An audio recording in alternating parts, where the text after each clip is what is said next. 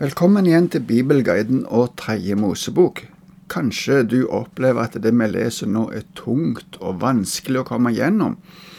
Jeg kan være enig med deg i det, men jeg tror det er nyttig å få et lite bilde av den virkeligheten som Israel levde i, og som Guds ord ble forkynt i. Vi leste sist gang om spedalskhet, eller om det som i vår oversettelse kalles hudsykdom. Det var til og med vers 46 i kapittel 13. I fortsettelsen brukes det samme ordet som vanligvis oversettes med spedalskhet eller lepra, men nå er det snakk om noe som er på klær. Det blir vanligvis tolka som mugg, og vår oversettelse har lagt det inn i teksten i stedet for spedalskhet på klær. Vi leser ifra vers 47 i kapittel 13. Det kan hende det kommer et angrep av muggsykdom på et klesplagg av ull eller lin, eller på noe som er vevd eller knyttet av lin eller ull, eller på skinn eller noe som er laget av skinn. Det er grønnlige eller rødlige områder på klesplagget eller skinnet, eller det som er vevd eller knyttet eller laget av skinn. Da er det et angrep av muggsykdom. Det skal vises fram for presten. Presten skal undersøke plagget som er angrepet, og holde det innelåst i sju dager. Den sjuende dagen skal han undersøke det igjen. Har angrepet da bredt seg på klesplagget eller på det som er vevd eller knyttet, eller på skinnet eller på det som er laget av skinn, da er det tærende sykdom, da er det urent.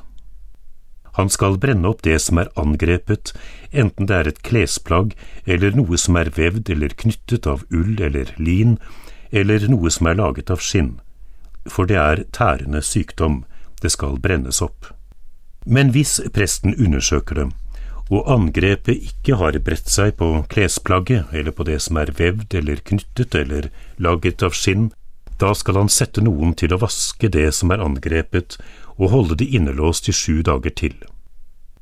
Så skal presten undersøke det som er vasket.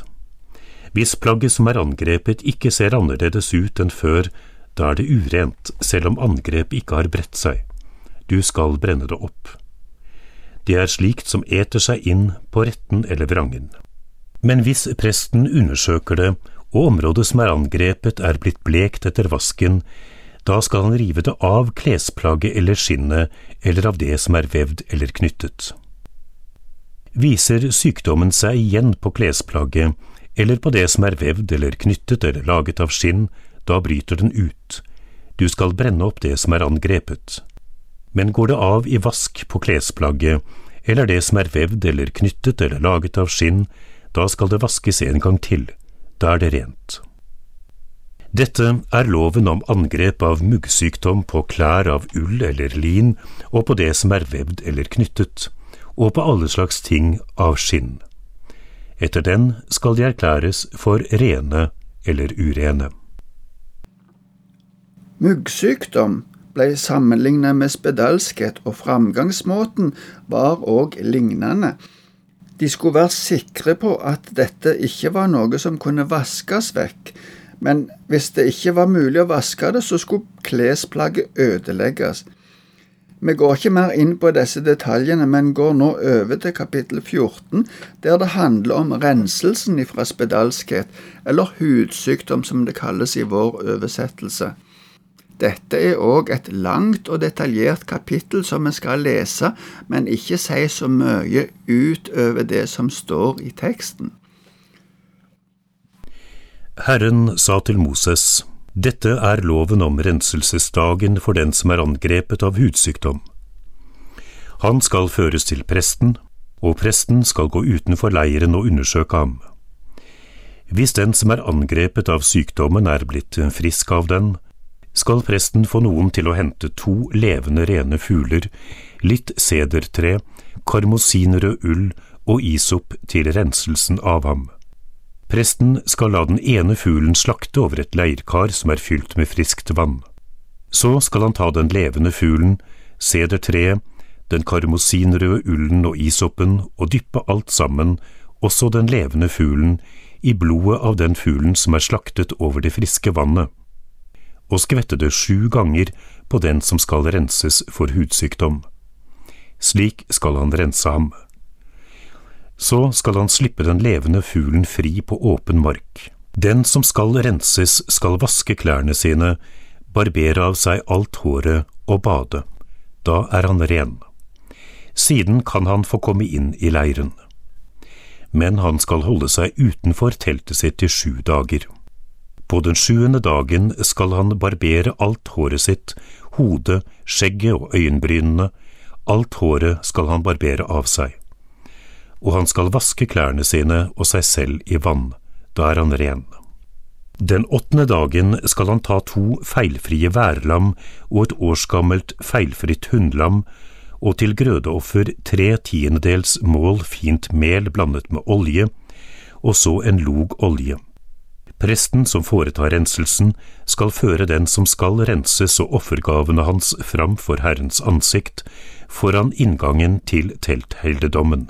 Så skal presten ta det ene værlammet og bære det fram som skyldoffer, sammen med den log olje som hører til, og han skal svinge det for Herrens ansikt.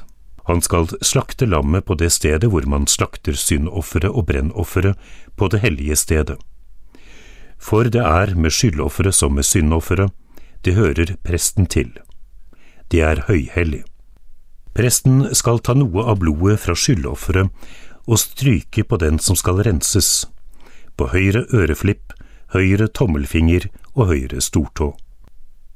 Presten skal ta noe av den oljen som hører til, og helle i sin venstre hånd, dyppe høyre pekefinger i oljen som han har i venstre hånd, og skvette litt av oljen med fingeren sju ganger for Herrens ansikt. Noe av den oljen som er igjen i hånden skal han stryke på den som skal renses, på høyre øreflipp, høyre tommelfinger og høyre stortå, over blodet av skyldofferet. Resten av oljen som presten har i hånden skal han smøre på hodet til den som skal renses. Slik skal presten gjøre soning for ham for Herrens ansikt. Så skal presten bære fram syndofferet og gjøre soning for den som skal renses for sin urenhet. Siden skal han slakte brennofferet. Og presten skal bære fram brennofferet og grødeofferet på alteret og gjøre soning for ham, da er han ren. Jesus sa med et par anledninger til spedalske som hadde blitt helbreda, at de skulle gå til prestene og vise seg, og så skulle de bære fram det offeret som Moses hadde foreskrevet. Det er det som vi nettopp har lest om. Det begynte med en renselsesseremoni. De skulle ta to fugler. Den ene skulle slaktes over et kar med vann. Dette vannet med blod i skulle så skvettes på den andre fuglen, som etterpå skulle få fly fritt. Det kan vi ta som et tegn på at den spedalske egentlig var dømt til døden, men nå fikk han sin frihet tilbake. Så kan vi kort nevne at en del av denne renselsen ligner på det som ble gjort da prestene ble innviet, nemlig at de strøk noe av blodet på høyre øreflipp, på høyre tommel og på høyre stortå. Som vi sa i forbindelse med innvielsen av prestene, så kan dette være en symbolsk handling for at de skulle høre på Herrens ord, gjøre Herrens gjerning og gå på Herrens vei. Guds lovgivning for Israel viste spesiell omsorg for de fattige. Det ene offeret var fremdeles et lam, men i stedet for det andre offeret så kunne de ofre noe som var mindre kostbart, og det leser vi om i fortsettelsen fra vers 21 til 32. Men er det en fattig mann som ikke har råd til så mye, skal han ta et værlam til skyldoffer. Det skal svinges til soning for ham. Sammen med det skal han ta en tiendedels mål fint mel blandet med olje til grødeoffer og en log olje. Dessuten to turtelduer eller to dueunger, så mye han har råd til. Den ene skal være til syndoffer og den andre til brennoffer. Den åttende dagen etter at han er blitt ren, skal han komme med disse offergavene til presten, til inngangen til telthelligdommen, for Herrens ansikt. Presten skal ta skyldofferlammet og den oljen som hører til, og presten skal svinge det som et svingeoffer for Herrens ansikt. Når skyldofferlammet er slaktet, skal presten ta noe av blodet fra skyldofferet og stryke på den som skal renses, på høyre øreflipp, høyre tommelfinger og høyre stortå. Presten skal helle noe av oljen i sin venstre hånd, og med høyre pekefinger skal presten skvette litt av oljen som han har i venstre hånd, sju ganger for Herrens ansikt. Noe av den oljen som presten har i hånden, skal han stryke på den som skal renses, på høyre øreflipp, høyre tommelfinger og høyre stortå, på de stedene hvor blodet av skyldofferet er. Resten av oljen som presten har i hånden, skal han smøre på hodet til den som skal renses.